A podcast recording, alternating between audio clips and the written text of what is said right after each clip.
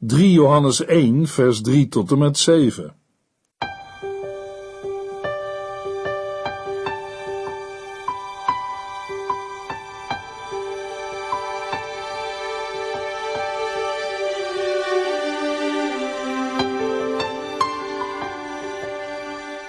Hartelijk welkom bij De Bijbel Door, een programma van Transworld Radio.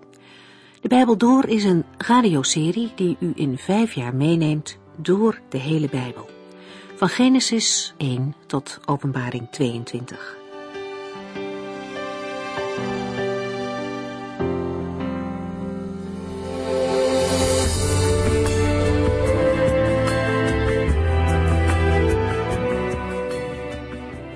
De vraag, hoe gaat het met u, is een vraag van alle tijden en alle culturen, al klinkt die op verschillende manieren. Het is een mooie vraag, waarmee iemand zegt, ik ben in jou geïnteresseerd, je kunt mij vertellen hoe het met je gaat. Maar als we eerlijk zijn, dan wordt deze vraag ook nog wel eens gesteld zonder dat iemand echt wil weten hoe het met die ander is. En wanneer zo'n vraag in het voorbijgaan wordt gesteld, dan verliest hij zijn waarde, omdat iemand niet in een paar seconden kan vertellen hoe het werkelijk met hem gaat. En eigenlijk getuigt dat vooral van gebrek aan interesse in die ander. Er is een mooie Afrikaanse begroeting en die gaat als volgt. De een zegt tegen de ander, hoe gaat het met je? Waarop de ander antwoordt, het gaat goed met mij, tenzij het met jou niet goed gaat. Daar zit iets heel oprechts in. Er is een verbondenheid tussen die twee mensen die elkaar ontmoeten. Als het met de een niet goed gaat, dan heeft dat zijn weerslag op de ander. Het is ook een mooi christelijk principe om zo met elkaar mee te leven. Die betrokkenheid vinden we ook in het begin van de derde brief van Johannes. Hij schrijft deze brief aan zijn goede vriend Gaius en al uit de eerste verse spreekt een oprechte belangstelling.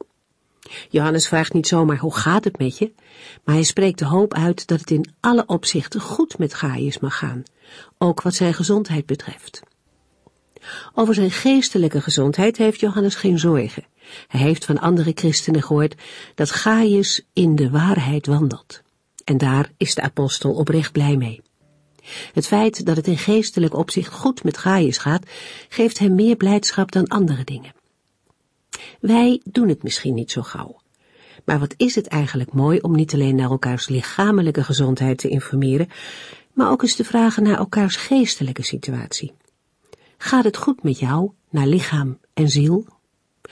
We gaan verder lezen uit 3 Johannes vanaf vers 3.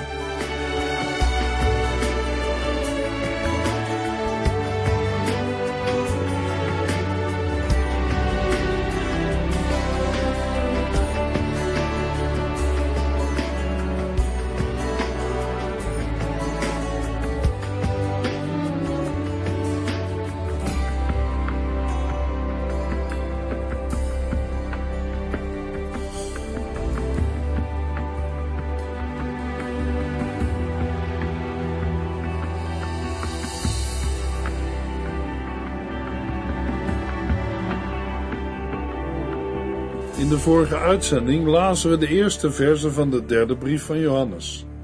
Ter inleiding op deze uitzending is het goed de eerste twee versen nog een keer te lezen. 3 Johannes 1, vers 1 en 2. Van Johannes, de leider van de gemeente, aan mijn vriend Gaius, die ik van harte lief heb. Mijn vriend, ik bid dat het u in elk opzicht goed mag gaan, ook wat uw gezondheid betreft. Ik weet dat ik mij over uw omgang met God geen zorgen hoef te maken. Voor het woord vriend lezen we in de Griekse tekst geliefde, zodat we aan het begin lezen aan de geliefde Gaius. Waar Gaius kennelijk tegenstand ondervond of miskenning door anderen, moeten deze woorden van de apostel Johannes een grote bemoediging voor hem zijn geweest. De naam Gaius komt van het Griekse woord Gaia, wat aarde betekent. Gaius betekent dan aardman of aards. Het doet denken aan ons woord geografie. Het Griekse woord voor aarde is hetzelfde als het Griekse woord voor land, zodat ook aan man van het land gedacht kan worden. In ieder geval was het een veel voorkomende naam. Veel slaven werden Gaius genoemd, en volgens sommige uitleggers doet daarom de naam wat ordinair aan. In Rome was dat niet zo. Er is een keizer bekend met de naam Gaius Caligula.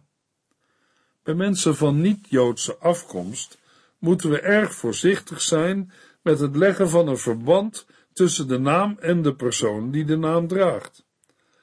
Bij niet-Joden zegt de naam die de ouders aan hun kind gaven niets van de persoon en zijn karakter, tenzij ze hem pas veel later een tweede naam gaven. Dit in tegenstelling tot de namen die gelovigen in de Bijbel aan hun kinderen gaven. In die namen werd vaak profetisch uitgedrukt wat de persoon in kwestie zou zijn of zou doen. Een voorbeeld daarvan lezen we in Genesis 5, vers 29, waar we lezen: Lamech was 182 jaar oud toen zijn zoon Noach, wat troost betekent, werd geboren. Want, zei Lamech, deze zoon zal troost brengen voor het harde werk dat wij moeten doen op deze door God vervloekte grond. In het geval van Gaius blijkt uit zijn naam hoogstens dat zijn ouders niet verder dan het aardse hebben gekeken toen zij hun zoon aardman noemden. Maar toen hij tot geloof kwam in de Heer Jezus Christus, heeft hij zicht gekregen op de hemelse dingen. En heeft de Heer hem gevormd, waardoor de apostel Johannes in zijn derde brief kan schrijven, aan mijn vriend Gaius, die ik van harte lief heb. Ook in de derde brief van Johannes staan liefde en waarheid centraal. Johannes schrijft in vers 2: Mijn vriend, ik bid dat het u in elk opzicht goed mag gaan, ook wat uw gezondheid betreft. Ik weet dat ik mij over uw omgang met God geen zorgen hoef te maken. Gelovigen hebben elkaar lief, omdat ze in elkaar het voorwerp zien van de liefde van God die ook voor de ander zijn zoon heeft gegeven. De broeder of zuster is net zo met Christus verbonden door het geloof als zijzelf. Daardoor vormen gelovigen in Christus één groot gezin en spreken zij elkaar aan als broeders en zusters of geliefde broeders en zusters, zoals Johannes in zijn brief aan Gaius doet. De hartelijkheid van de apostel waarmee zijn brief begint valt op. In vers 2 lezen we hoe de apostel in het wel en wee van Gaius, zijn vriend en broeder, is geïnteresseerd. Johannes wenst Gaius in alles het beste toe. Dat kan slaan op zijn gezin, zijn levensonderhoud, zijn leven in de christelijke gemeente en mogelijk nog andere zaken. Met name wenst hij hem een goede gezondheid toe. Van de geestelijke gezondheid van Gaius is de apostel overtuigd want hij schrijft: Ik weet dat ik mij over uw omgang met God geen zorgen hoef te maken. De apostel Johannes zal daar ook van getuigen in de brief die nu volgt. Aan de andere kant is het niet vanzelfsprekend dat het Gaius ook lichamelijk goed zal gaan. Uit het slot van de zin: Mijn vriend, ik bid dat het u in elk opzicht goed mag gaan, ook wat uw gezondheid betreft, kan ook een aanduiding zijn dat Gaius niet zo'n goede gezondheid heeft. Gezondheid is een grote zegen en zeker niet vanzelfsprekend. En dat geldt ook voor christenen. Daarbij kan de gedachte bemoedigen, juist als er allemaal lichamelijke worstelingen zijn, dat een gezond geestelijk leven het belangrijkste is. Wat kan een mens kracht, troost en bemoediging ontvangen bij het ziek zijn van zijn of haar vertrouwen op God, van zijn geloof. Het kan zelfs de bron worden van een gebed om verlenging van levensjaren, zoals bij koning Hiskia. In 2 Koningen 20 vers 1 tot en met 6 lezen we, in diezelfde tijd werd Hiskia ernstig ziek en de profeet Jezaja ging hem opzoeken. Regel uw zaken en bereid u voor op de dood, zei Jezaja tegen hem.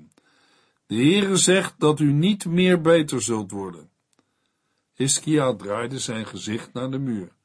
Och, Heere, bad hij, ik heb toch altijd geprobeerd u met een oprecht hart te gehoorzamen en precies te doen wat u van mij verlangde. Hij barstte in tranen uit. Nog voordat Jezaja het binnenplein van het paleis had verlaten, sprak de Heere hem alweer toe. Ga terug naar Hiskia, de leider van mijn volk, en zeg hem dat de Heere, de God van zijn voorvader David, zijn gebed heeft gehoord en zijn tranen heeft gezien. Ik zal hem genezen, en over drie dagen zal hij alweer op zijn en de tempel kunnen bezoeken. Ik zal hem nog vijftien jaar te leven geven en hem en zijn stad beschermen tegen de koning van Assyrië. Dit zal ik allemaal doen, omwille van mijzelf en omwille van mijn dienaar David. Johannes bidt voor zijn vriend en geloofsbroeder Gaius. Mijn vriend, ik bid dat het u in elk opzicht goed mag gaan, ook wat uw gezondheid betreft. Het woord vriend of geliefde broeder in vers 1 is in vers 2 geen overbodige herhaling, want in vers 2 begint de eigenlijke brief. De herhalingen in vers 5 en 11 zijn eveneens zinvol. Ze geven niet alleen het karakter van een diepe verbondenheid aan, maar leiden ook iedere keer een nieuwe gedachte in. Johannes bidt dat het Gaius in elk opzicht goed mag gaan. Dit gebed van de apostel bepaalt ook ons erbij om voor het lichamelijk en maatschappelijk welzijn van onze broeders en zusters te bidden. Daarbij moeten we ons goed realiseren dat de Bijbel ons voorhoudt dat we tevreden moeten zijn als we voedsel, kleding en onderdak hebben. De apostel Paulus schrijft aan zijn medewerker Timotheus in 1 Timotheus 6 vers 6 tot en met 10. Het leven met God brengt veel op. Zeker als je ook tevreden bent met wat je hebt. Per slot van rekening hebben wij bij onze geboorte niets meegebracht, en als wij sterven zullen wij ook niets kunnen meenemen. Als we ons kunnen voeden en kleden, moet ons dat genoeg zijn. Maar wie graag rijk wil worden, komt al gauw in verleiding en raakt verstrikt in de begeerte naar onnodige en verkeerde dingen en gaat tenslotte verloren. Want de liefde voor het geld is de eerste stap naar allerlei andere zonden. Sommige mensen hebben zich daarvoor zelfs van God afgekeerd en zich veel ellende op de hals gehaald. Wanneer we door Gods genade geestelijk gezond mogen zijn, zullen we onze maatschappelijke welstand en voorspoed gebruiken tot eer van God. Maar als ons geestelijk leven op een laag pitje staat, kan het een valstrik worden. Aan het slot van 1 Timotheus 6 geeft Paulus Timotheus de opdracht: zeg tegen de rijken dat ze niet trots mogen zijn en niet mogen vertrouwen op hun rijkdom, die slechts een twijfelachtige zekerheid geeft, maar dat zij moeten vertrouwen op de levende God, die ons van alles geeft om ervan te genieten. Zeg hun dat ze hun rijkdom moeten gebruiken om er goed mee te doen. Zij moeten rijk zijn in goede werken en met een blij hart geven aan mensen die gebrek lijden. Ze moeten altijd klaarstaan om alles wat God hen heeft gegeven met anderen te delen. Door dat te doen, zullen zij voor zichzelf een echte schat voor de toekomst verzekeren, om daarmee het ware leven te verwerven.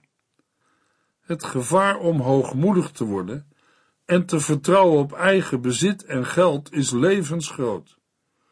Zodra een mens zich niet meer afhankelijk weet van God, is er het risico dat hij of zij hem zal vergeten.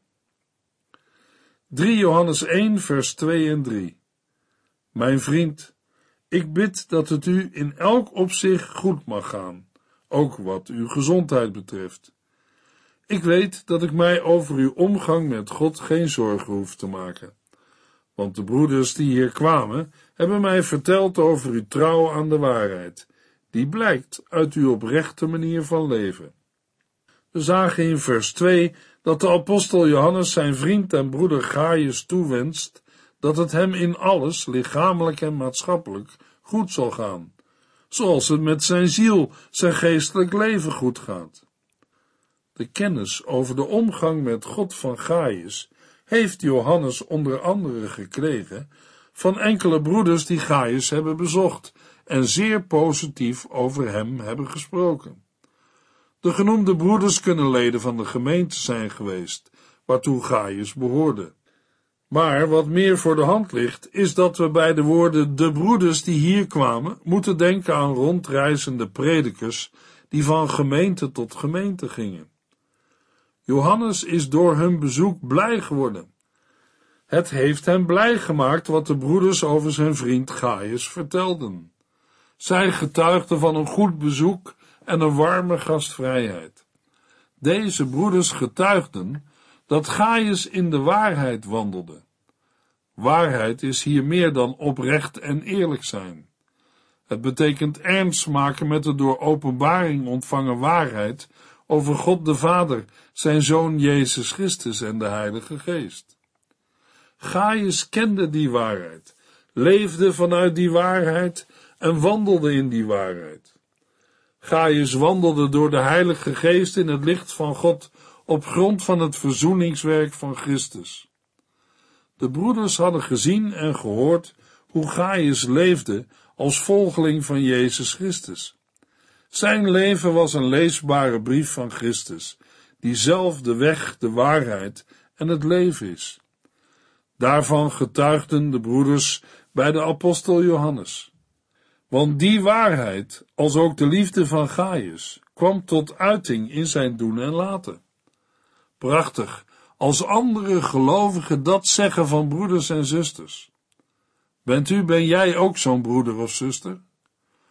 Hoe open zijn onze huizen voor anderen, en in het bijzonder voor geloofsgenoten? Hoe gastvrij zijn wij, u, jij en ik? Goed om ook daarmee tot God te gaan en Hem te vragen om Zijn hulp en vrijmoedigheid. 3 Johannes 1 vers 4 Dat heeft mij heel blij gemaakt. Niets maakt mij zo blij als het horen van zulke berichten over mijn vrienden. Johannes had als de leider of de oudste zowel een gemeente stichtende bediening als ook een herderlijke en toezichthoudende taak en opdracht. In de Griekse tekst van vers 4 lezen we: Niets maakt mij zo blij dan dat ik hoor dat mijn kinderen in de waarheid wandelen. Als de apostel Johannes spreekt over mijn kinderen, dan hoeven dat niet per se de mensen te zijn die hij zelf tot geloof in Christus mocht brengen. Maar gaat het wel om gelovigen die aan de herderlijke zorg van Johannes zijn toevertrouwd. De woorden mijn kinderen geven in ieder geval een vertrouwensrelatie aan.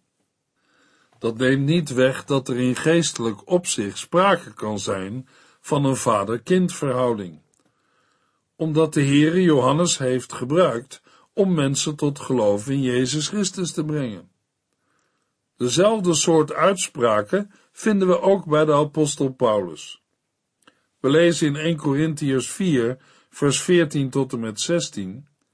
Mijn beste vrienden, ik schrijf dit niet om u een gevoel van schaamte te geven, maar om u terecht te wijzen. Want al zijn er duizenden die u in Christus verder opvoeden, u hebt niet veel vaders. Ik ben uw geestelijke vader. Ik heb u het leven met Jezus Christus binnengeleid. Daarom smeek ik u, volg mijn voorbeeld. Aan de gelovigen in Galatië schrijft de apostel in Galaten 4 vers 19 en 20. Mijn kinderen, u doet mij echt weer verdriet. Ik voel dezelfde pijn als een vrouw die bevalt. Zo sterk is mijn verlangen dat Christus in u zichtbaar wordt. Het liefst zou ik nu bij u zijn. Dan zou ik u op een andere toon kunnen toespreken. Want ik weet eigenlijk niet wat ik met u aan moet. Aan Philemon schrijft Paulus: Ik vraag u om een gunst voor Onesimus, die tijdens mijn gevangenschap als een kind voor mij geworden is. In 1 Timotheus 1 vers 2 schrijft de apostel Paulus aan Timotheus, mijn geestelijke zoon. Ik wens je de genade, de liefdevolle goedheid en vrede toe van God de Vader en van Christus Jezus onze Heer. Gaius zou een geestelijke zoon van de apostel Johannes kunnen zijn. In dat geval is Gaius door de apostel Johannes tot geloof gekomen. De blijdschap van de apostel bestaat daarin dat gelovigen, zijn kinderen, in de waarheid blijven wandelen. Dat wil zeggen, de weg achter de Heer Jezus blijven gaan en vasthouden aan zijn woord en geboden. De nadruk ligt op het gedrag van de gelovige, dat tot uiting komt in geloof en gehoorzaamheid. 3 Johannes 1 vers 5 Goede vriend, uw trouw blijkt uit alles wat u voor de broeders doet, zelfs al kent u hen niet. In vers 5 begint het eigenlijke onderwerp van de derde brief van Johannes. Ging het in het voorafgaande over trouw aan de waarheid, nu komt de liefde aan de orde. Liefde die tot uiting komt in gastvrijheid. In Romeinen 12 vers 13 zegt Paulus tegen de gelovigen, help de gelovigen die tegenslag hebben en doe altijd uw best om gastvrij te zijn. In Hebreeën 13 vers 2 hebben we gelezen, wees altijd gastvrij voor vreemdelingen. Daardoor hebben sommigen, zonder het zich bewust te zijn, engelen in huis gehad. De apostel Petrus voegt er nog aan toe in 1 Petrus 4 vers 9, wees gastvrij voor elkaar zonder te mopperen. Gastvrijheid is mensen onderdak geven alsof het de Heer Jezus zelf betrof. In 2 Johannes 1 vers 10 geeft Johannes opdracht misleidende leraars geen gastvrijheid te verlenen, omdat gelovigen daarmee hun werk steunen.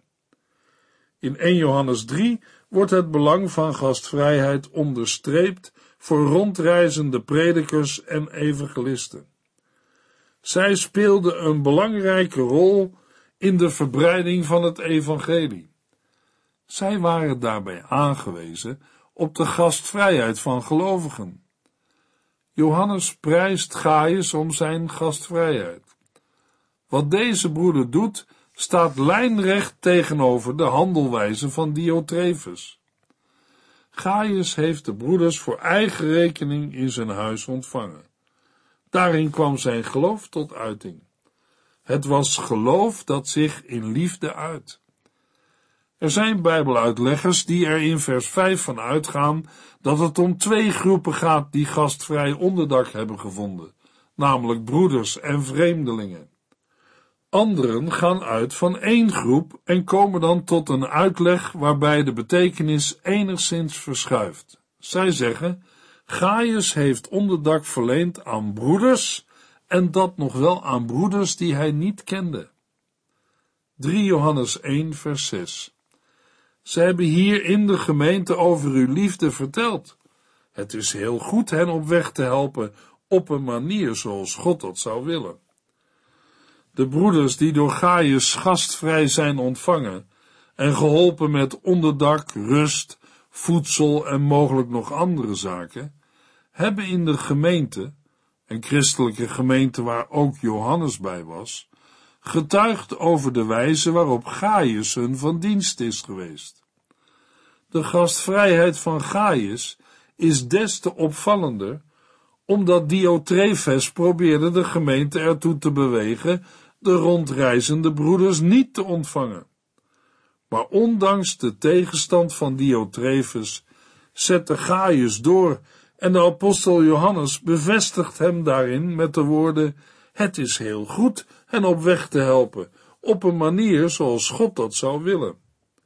Met deze woorden gaat Johannes van het verleden naar de toekomst. Gaius moet doorgaan op de ingeslagen weg.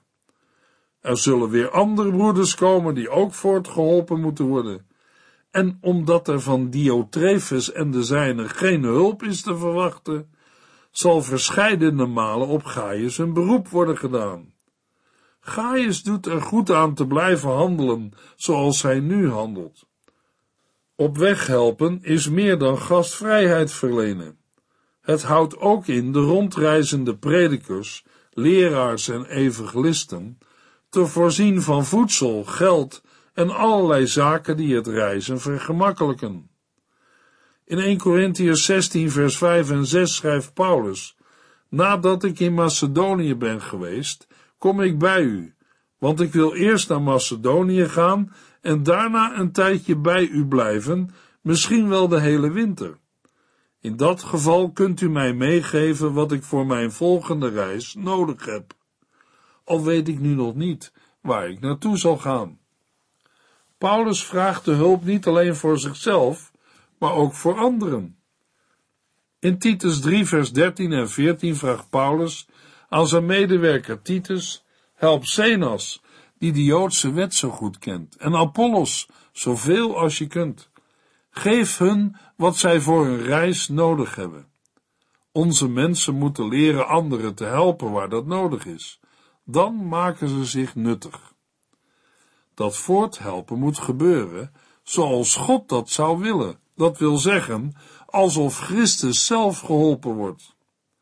3 Johannes 1 vers 7 Zij zijn op reis gegaan omwille van de Here en nemen niets aan van mensen die niet in hem geloven.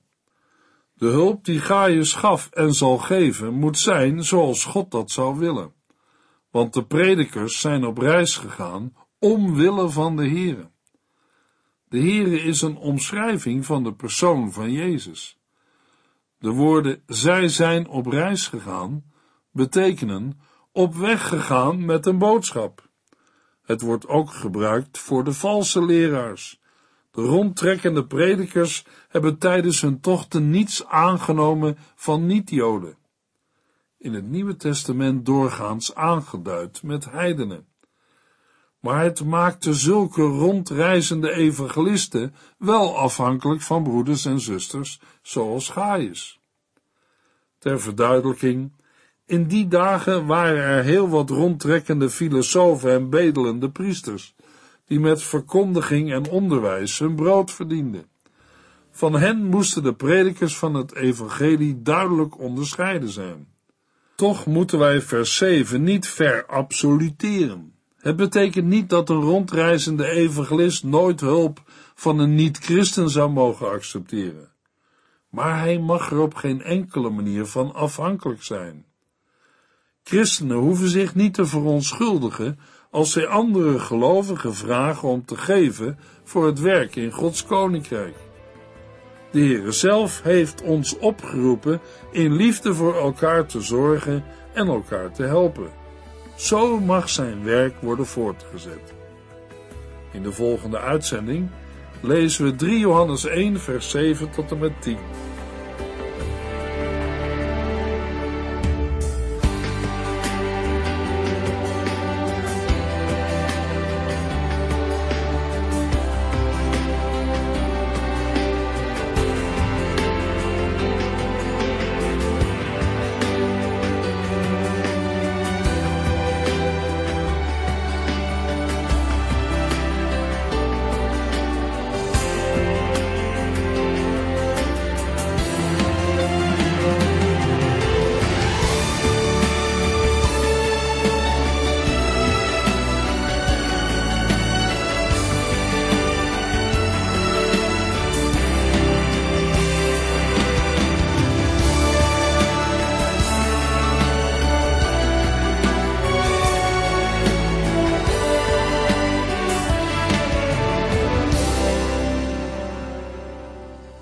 Geluisterd naar De Bijbel Door.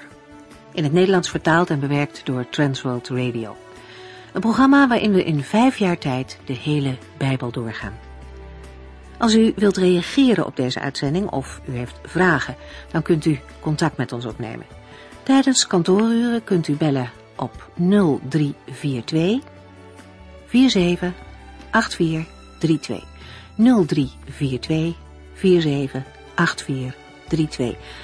Ook kunt u een e-mail sturen naar de Bijbel at transworldradio.nl en natuurlijk kunt u ook via de post ons bereiken. TWR, postbus 371, postcode 3770, AJ in Barneveld. Dit programma werd gepresenteerd door Corweda en Ike André. Techniek was in handen van Odin van Woerdenkom. En namens ons allemaal bedanken we u van harte voor het luisteren.